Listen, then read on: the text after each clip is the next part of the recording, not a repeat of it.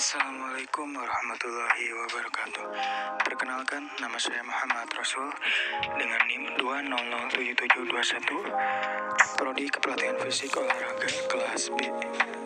Perkenalkan, nama saya Salsabila Janita Sari, NIM 29524, Prodi Kepelatihan Fisik Olahraga kelas B. Kali ini kita akan membuat podcast yang bertemakan Pancasila, modal sosial bangsa di tengah tantangan era revolusi industri 4.0. Pancasila merupakan dasar negara Republik Indonesia yang dijadikan sebagai acuan dalam berbangsa dan bernegara.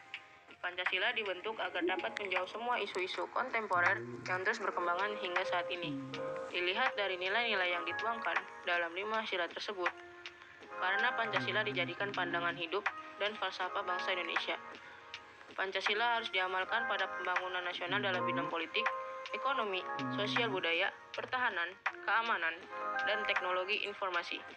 Sehingga Pancasila tetap memiliki eksistensi di setiap perkembangan zaman. Seperti yang saat ini terjadi isu globalisasi merupakan suatu tantangan baru bagi eksistensi eksistensi nilai-nilai Pancasila. Globalisasi membawa berbagai tantangan baru di Indonesia. Salah satunya adalah persaingan kemampuan sumber daya manusia atau SDM, baik secara hard skill dan soft skill yang menjadi global. Persaingan untuk dunia kerja saat ini tidak hanya antar daerah lokal, melainkan antar negara. Globalisasi juga membawa dampak terhadap perkembangan teknologi, terlihat munculnya revolusi industri 4.0.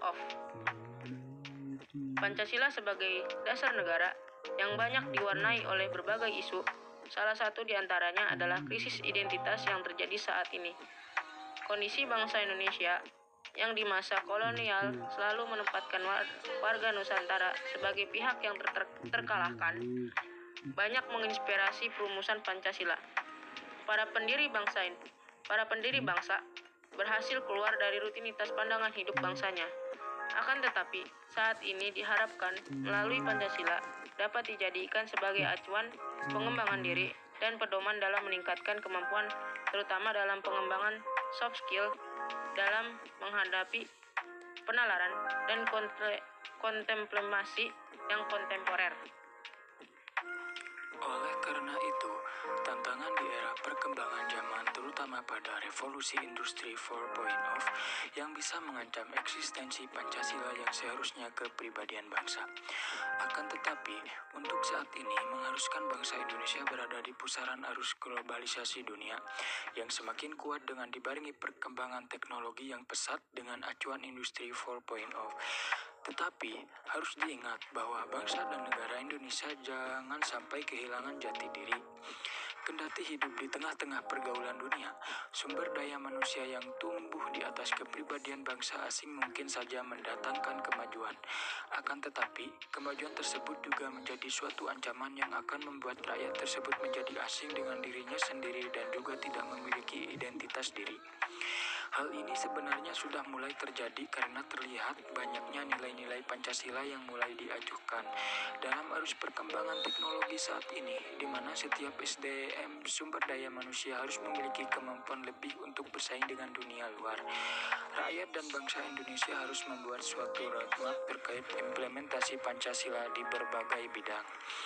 Dalam perkembangan teknologi yang semakin pesat, Indonesia tidak dapat menutup diri dari dunia luar, karena apabila tidak mengikuti perkembangan akan dipastikan tertinggal oleh kemajuan zaman dan kemajuan bangsa-bangsa lain. Bahkan, apabila kita melihat isu yang dulu menjadi pusat perhatian, yaitu negara sosialis seperti Uni Soviet yang terkenal anti dunia luar, tidak bisa bertahan dan terpaksa membuka diri dan menyesuaikan diri dengan perkembangan yang saat ini berlangsung. Maka konsep pembangunan modern harus membuat Indonesia membuka diri dan mengembangkan diri namun harus dengan landasan Pancasila. Harus tersebut merupakan upaya untuk meletakkan dasar-dasar nilai Pancasila agar dapat bersaing sehingga bangsa Indonesia bukan hanya menyerap masuknya modal, teknologi, ilmu pengetahuan, dan keterampilan dari dunia luar. Akan tetapi juga menanamkan nilai-nilai Pancasila di dalamnya. Hal terpenting adalah bagaimana sumber daya manusia Indonesia mempunyai menyaring agar hanya nilai-nilai kebudayaan yang baik dan sesuai dengan kepribadian bangsa saja yang terserap. Sebaliknya, nilai-nilai budaya yang tidak sesuai apalagi merusak kata nilai-nilai budaya nasional mesti ditolak dengan tegas. Mungkin itu saja materi yang dapat kita sampaikan. Kurang lebihnya mohon maaf. Wassalamualaikum warahmatullahi wabarakatuh.